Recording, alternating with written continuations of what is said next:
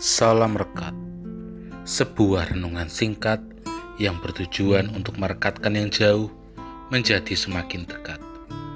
Rekat dari Selasa 15 Februari 2022 diberi judul Lepas dari Bibir Dusta. Rekat dari ini dilandasi firman Tuhan dari Mazmur 120 ayat 2. Ya Tuhan, lepaskanlah aku daripada bibir dusta, daripada lidah penipu. Demikianlah firman Tuhan.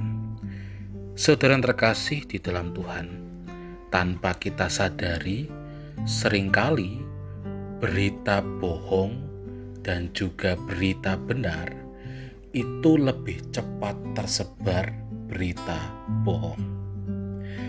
Berita bohong dapat dengan mudah disebarluaskan berbeda dengan berita baik. Hal ini menunjukkan bahwa ternyata masih banyak orang yang mudah untuk terpengaruh dengan berita bohong atau berita dusta. Sebaliknya, untuk mencerna berita benar, orang sering kali enggan karena harus mengecek sana-sini kebenarannya.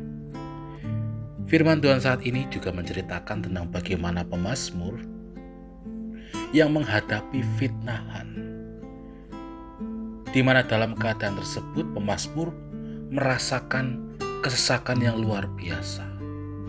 Dalam keadaan itu, pemazmur mohon kepada Tuhan supaya Tuhan dapat melepaskannya dari bibir dusta dan juga dari lidah penipu.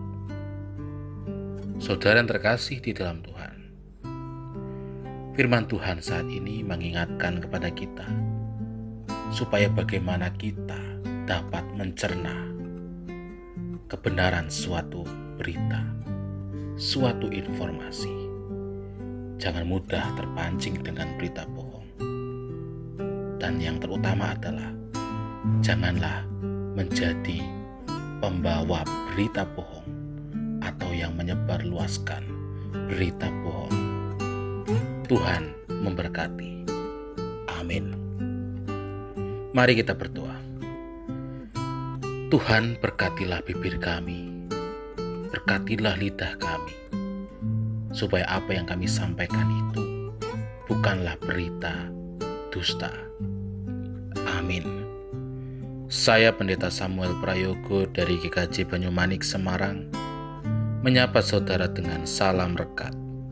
Sebuah renungan singkat yang bertujuan untuk merekatkan yang jauh menjadi semakin dekat.